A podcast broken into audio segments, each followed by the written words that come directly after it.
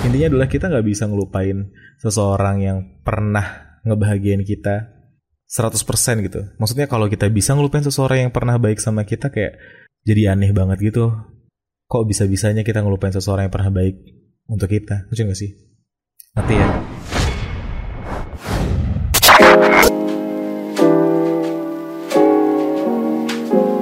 Selamat datang lagi di YouTube channel gue Giri Ardian. Di episode 2 ini seperti janji kemarin, gue mau ngejawabin pertanyaan-pertanyaan yang udah tertulis di kolom komentar pada episode pertama. Tapi sebelumnya gue pengen ngucapin terima kasih nih ya buat semua yang udah komen di episode pertama kemarin, udah subscribe juga. Lumayan juga nih naiknya tiba-tiba. jadi semangat baru nih ya. Soalnya udah satu tahun vakum cuy. Ya, begitu tahu banyak yang respon jadi seneng banget aja gitu. Semoga bisa konsisten ke depannya karena ini niatnya mau diupload tiap hari gitu. Oke? Okay? Terima kasih buat yang udah ngucapin semangat di episode pertama juga ada Sheha. Oh, Sheha nanya nih ya, nanti kita jawab ya. Ada Melisa Gracia, dia bilang langsung subscribe, terus like dan tekan lonceng, terus nunggu katanya video YouTube selanjutnya. Terima kasih loh. Ada Eza Yayang yang bilang ini real life banget, katanya sukses, amin. Terus juga Diki Maulana bilang yang kayak gini yang dia butuhin katanya. Oke okay, kalau gitu. Bagus juga bilang semangat bung rajin-rajin bikin kontennya. Wah pokoknya terima kasih buat semua yang udah nyemangatin Gary di episode pertama. Itu impactful banget buat Gary jadi terima kasih sekali lagi ya. Ada Mutia ada Puji yang bilang ini katanya uh, berkait terus bang. Terus bilang enak banget buat didengerin sebelum tidur berasa didongengin. Emang itu tujuannya kok Supaya jadi teman sebelum tidur ya. Nah sekarang kita jawabin pertanyaan-pertanyaan yang udah Giri pilih beberapa nih ya. Pertama Giri pengen ke Yunita dulu yang curcol nih tiba-tiba di kolom komentar. Emang Giri yang nyuruh sih. Uh, jadi katanya pernah tahun lalu pacaran sama seseorang gitu, terus diselingkuhin intinya. Terus dia maafin karena si Yunita pikir ya mungkin dia bisa berubah lah nanti gitu ya. Karena cuman sekali doang nih nyelingkuhinnya gitu. Ternyata begitu dikasih kesempatan, eh tuh cowok selingkuh lagi dengan orang yang berbeda. Kamu bisa bayangin dong ya betapa sakitnya dia gitu. Dia bilang jujur sakit banget, sumpah ngelupain, uh, susah ngelupainnya. Sampai katanya si Yunita ini harus pindah kota untuk benar-benar bisa nggak ngelihat si cowok itu lagi, nggak bisa dihubungin lagi. Dan bener katanya sekarang udah berangsur tidak sesakit dulu, tapi trauma untuk mau pacaran lagi tuh jadi masih ada gitu. Si Yunita sih bilang nggak apa-apa lah, mungkin nanti aku bisa langsung ketemu jodoh gitu yang kita semua mengamini semoga benar terjadi. Tapi menurut Gary, yang kita lakukan nggak salah sih. Tapi ada yang lebih baik aja gitu caranya. Menurut Gary, terlepas ini masalah soal cinta atau enggak ya, maksudnya semua masalah apa pun bakal jauh lebih baik hasilnya kalau kita hadapin kan. Menurut Gary, unit yang Unita lakukan adalah bukan menghadapi tapi menghindari masalah gitu move on sebenarnya kan bukan bukan ketika kita bisa ngelupain seseorang. Kamu bisa tanya sama siapa pun yang udah move on nih ceritanya nih ya. Udah punya pacar baru atau udah punya uh, pasangan baru, udah nikah mungkin. Apakah kadang dia keinget mantannya atau enggak? Menurut Gary bakal lebih banyak yang bilang kalau iya kadang gue inget juga kok sama mantan gue. Entah karena tempat favoritnya, entah karena ada momen apa gitu yang tiba-tiba ngebuat dia keinget sama mantannya. Intinya adalah kita nggak bisa ngelupain seseorang yang pernah ngebahagiain kita 100% gitu. Maksudnya kalau kita bisa ngelupain seseorang yang pernah baik sama kita kayak jadi aneh banget gitu. Kok bisa-bisanya kita ngelupain seseorang yang pernah baik untuk kita? Lucu gak sih?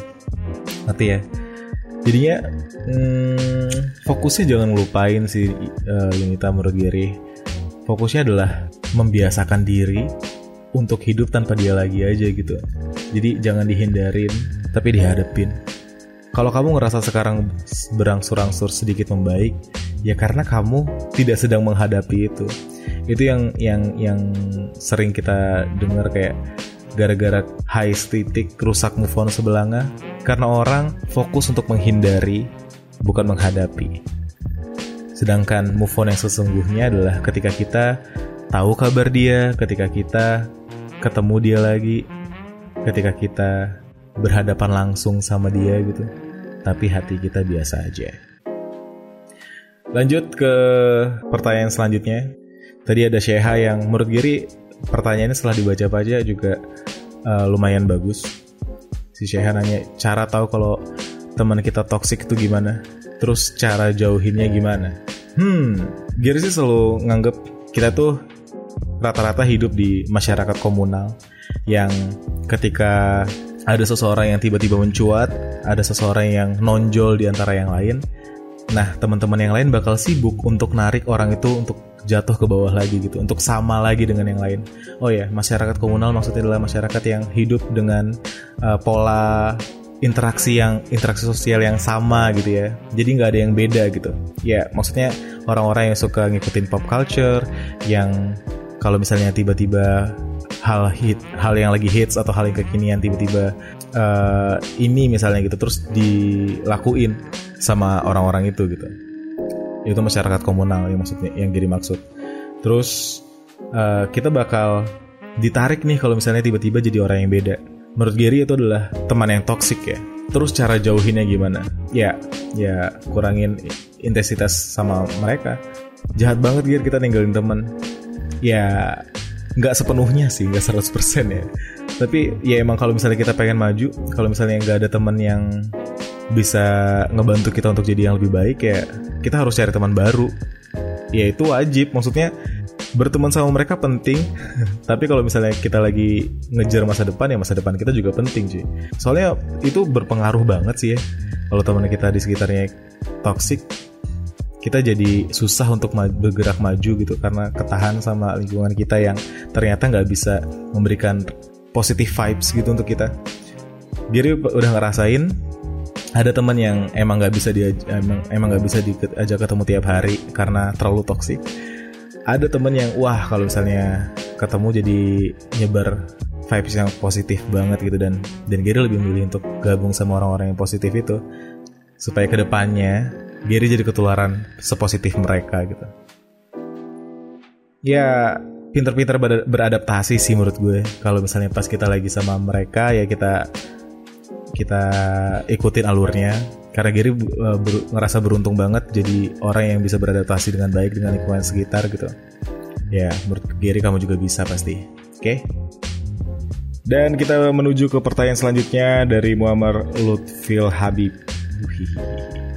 dia bilang selama gue patah hati banyak gue dengerin video lo di IG bang banyak gue resapin arti dan maknanya dan akhirnya pada satu titik gue berpikir ada uh, pada akhirnya orang yang patah hati harus bisa mengalah sama ego kita, benar?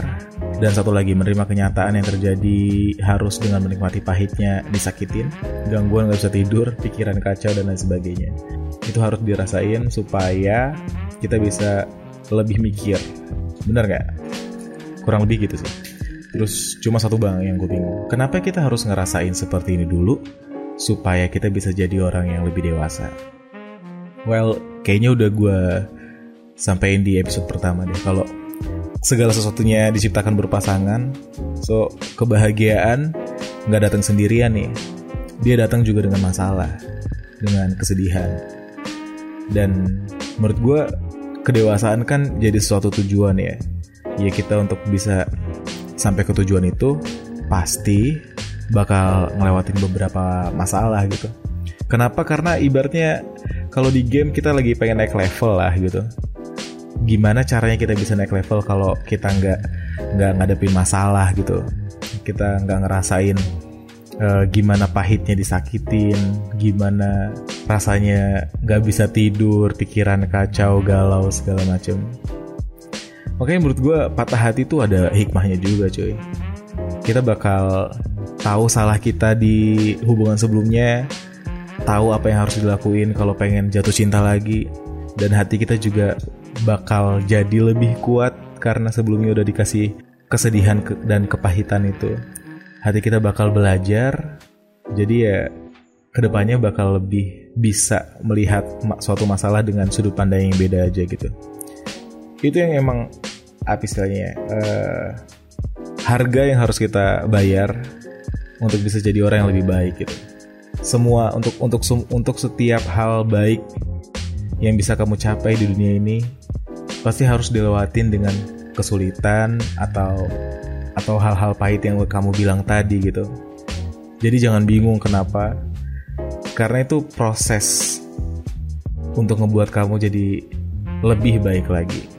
Lagian, kalau setiap hal baik di hidup kamu datang gitu aja tanpa harus ngelewatin sesuatu yang sulit,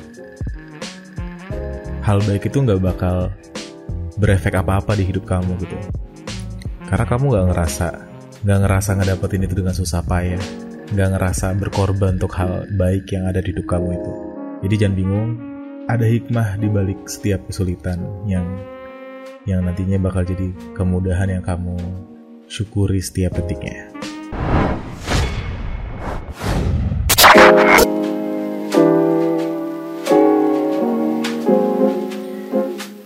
Segitu dulu. Terima kasih udah nanya-nanya ya. Terima kasih udah komen di kolom komentar di episode pertama. Lanjut lagi besok. Jangan lupa subscribe, jangan lupa di-share ke teman-teman yang menurut lo kira-kira membutuhkan obrolan-obrolan seperti ini ya. So, sampai jumpa besok ya.